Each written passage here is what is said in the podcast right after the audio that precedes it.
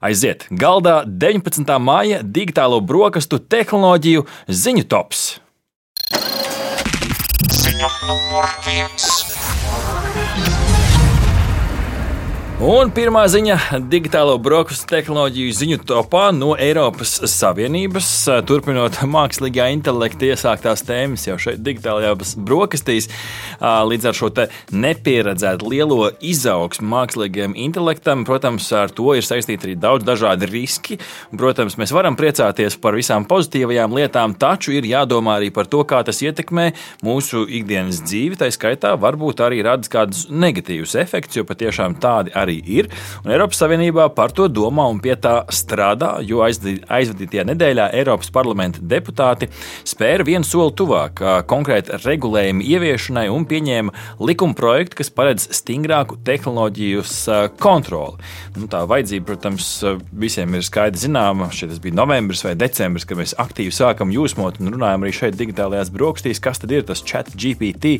Vairāk raidījumu mums par to jau ir bijuši, tā skaitā pagājušā nedēļā par mākslīgo intelektu mūzikā, un mēs noteikti par to turpināsim runāt, jo tā ir aktuāla tēma. Taču likuma projekts iedalījās trijās kategorijās, ja tā vienkāršo to sarežģīto stāstu kā tad šīs programmatūras iedalīs kādās kategorijās, un attiecīgi katrai kategorijai, protams, ir kaut kādi ierobežojumi un noteikumi. Un, Rihard, kādas ir tās trīs kategorijas? Jā, nu tā tad, kā jau tu minēji, likumprojekta ietvaros plānots izvērtēt mākslīgā intelekta sistēmu riskus, iedalot trīs kategorijās. Pirmā, jeb ekstrēmākā kategorija, ietver tās mākslīgā intelekta sistēmas, kuras rada nepieņemamus privātuma riskus, un tāpēc tiks aizliegts. Varētu būt tāds darbs ar sensitīvu informāciju. Jā.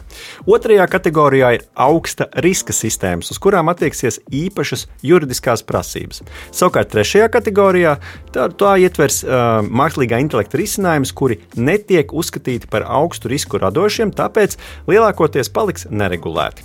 Nu, tā tad uh, piemērs, jā, piemērs augsta riska kategorijā tiks pieskaitīts tās mākslīgā intelekta sistēmas, kuras izmanto mērķiecīgi manipulatīvas metodes, masveidā veids biometrisko novērošanu publiskās vietās nu, un līdzīgas, līdzīgas, uh, līdzīgi piemēri.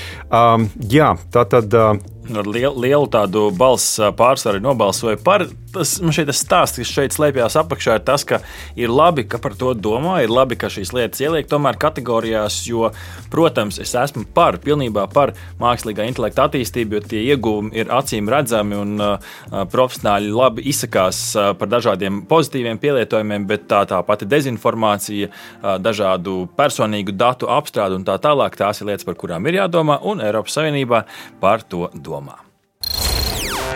Ziņa. Latvijas Biozinātņu un tehnoloģiju universitātes zinātnieki izstrādājuši interneta vidē brīvi pieejamu rīku, kas ar mākslīgā intelekta palīdzību ļauj zemniekiem prognozēt dažādu slimību attīstības riskus, kā mums stāsta portālā lsm.lv.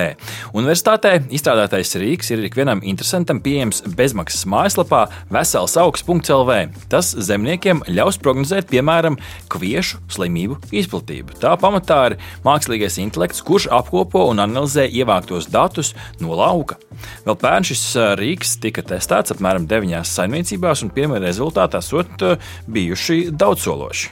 Jā, nu un tad, lai izstrādātu šādu slimību prognozēšanas rīku, universitātes speciālisti sadarbojās ar lauksaimniekiem un veica pētījumus nevis vienu gadu, divus gadus, bet veselu četru gadu garumā. Tātad, nu, attiecīgi pētījuma rezultāti ir balstīti uz datiem vairāku gadu griezumā. Tur var šajā mājaslapā atrast, vai tas augstas slimības risks ir augsts, zems, un tad jau var novērtēt tālākās darbības, kas ir veicams. Vesels augsts.lv. Un liksim vēl klāt dažādas tehnoloģijas, ko attīsta Latvijas pētnieki un zinātnieki, piemēram, Vides risinājuma institūtā, par ko mēs esam stāstījuši iepriekš. No droniem, lidmašīnām var ar lideriem un citiem sensoriem un kamerām fiksēt to, kas notiek uz lauka, un tad jau mūsu lauksaimniecība kļūst pavisam vieda un precīza. Atsevišķs raidījums par to mums ir bijis lauksaimniecības tehnoloģijas meklēt digitālo brokastu arhīvā. Ziņa numur 3. Saziņas platformas WhatsApp lietotājiem pēc WA Beta info portāla datiem pārskatāmā nākotnē varētu būt pieejama iespēja rediģēt iepriekš nosūtītas ziņas. Tā man šķiet, ka ir ilgi gaidīt, jo viens ir autokorekts, kad mums kaut ko ne tā saraksta, otrs, kad mēs aizsūtām kaut ko, ko mēs negribējām aizsūtīt un pēc tam izlabot.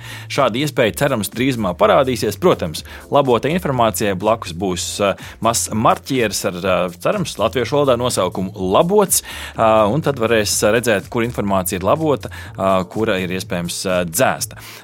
Un šis patiešām ir tāds būtisks uzlabojums, jo daudzās citās platformās tas jau ir pieejams. Tā skaitā šeit pat iMessage'iem šāda iespēja rediģēt nosūtīto informāciju ir.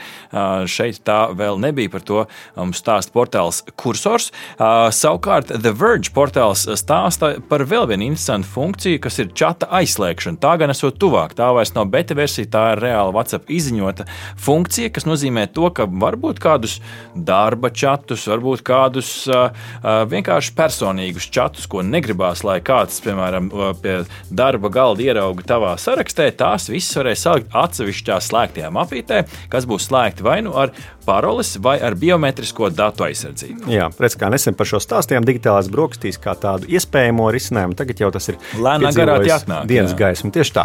Jā, un internetā pameklējot, kas ir biežākās kļūdas, jāsacina, ka bieži vien tie ir atsevišķi vārdi, kas tiek aizvietoti. Jo telefonam, piemēram, valoda pēc noklusējuma tas tur ir uzlikta angļu. Nu, tas var radīt dažādas pārpratumus rakstot. Dažkārt lieki aizvietot tiek burtu un pieturzīmu lietojums nu, teiksim, ar dažādiem emoji uh, simboliem. Nu, piemēram, lielo B burtu savienojot ar iekau un izveidojas oh, tāda sēņa ar uh, saules brillēm. Jā, tu stāsti to sarakstu ar A, B, C, lietas klātās iekaviņas un beigās tev ir emoji. Jā, nu, jā un arī nerad cīnāmies ar lieku lielo burtu pielietojumu, kad to nevēlamies un tā tā, ka tā joprojām katram ir bijusi sava situācija.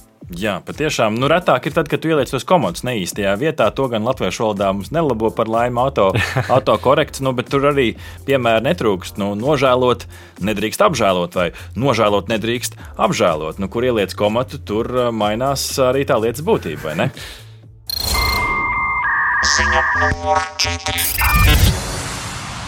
Ceturtā ziņa digitālajās brokastīs šajā rītā no Microsoft puses būtisks uzlabojums Windows operētāju sistēmas lietotājiem, konkrēti runa ir par 11 operētāju sistēmu, kur ar Phone Link atjauninājumu varēs savienot iPhone vietāluņus. Tad iPhone vietāluņus kopā ar Windows vietāluņu.